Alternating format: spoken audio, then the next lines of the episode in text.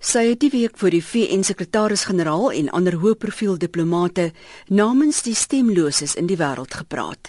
Daar is bykans 60 miljoen kinders wat nie skool gaan nie. We realized the importance of pens and books when we saw the guns. The wise saying, the pen is mightier than sword, was true.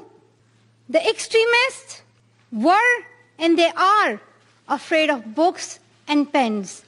The power of education, the power of education frightens them. They are afraid of women. The power of the voice of women frightens them. Malala het met die serp van die oorlede Pakistanse premier Benazir Bhutto om haar skouers gesê sy koester geen wrok teen die mense wat haar aangeval het nie. Sy het gesê sy wou in die VN praat oor die regte van onderrig vir elke kind in die wêreld selfs die seuns en dogters van die Taliban. Now it's time to speak up. So today, we call upon the world leaders to change their strategic policies in favor of peace and prosperity. We call upon the world leaders that all the peace deals must protect women's and children's rights. A deal that goes against the rights of women is unacceptable. We call upon all governments to ensure free, free compulsory education all over the world for every child. Die sekretaris-generaal Ban Ki-moon sê die aanvallers het hulle ware kleure gewys toe hulle Malala se skoolbus aangeval het. Targeting Malala, extremists showed what they feared most. A call with the book. When girls are educated, when young people are educated, then that's what the terrorists are fearful most, rather than any other, any other tools. I was so heartened and encouraged by the groundswell of support for Malala. Huldeblyke aan oud-president Nelson Mandela is ook gelewer.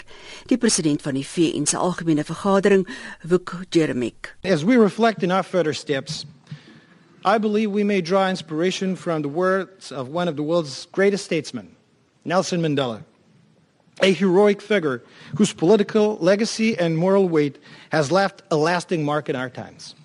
Education, he said, is the most powerful weapon to change the world. I believe this is the reason why Malala and hundreds of yet other young people are meeting with us here today.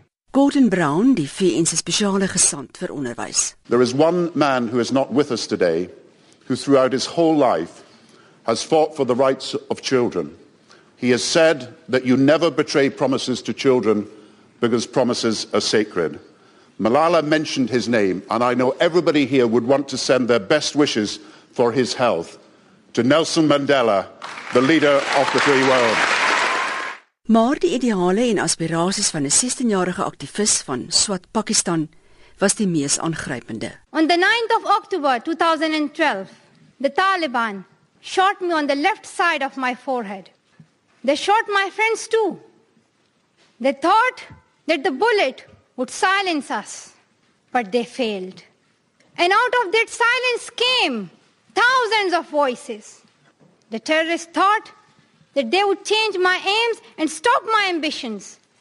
But nothing changed in my life except this weakness, fear, and hopelessness died.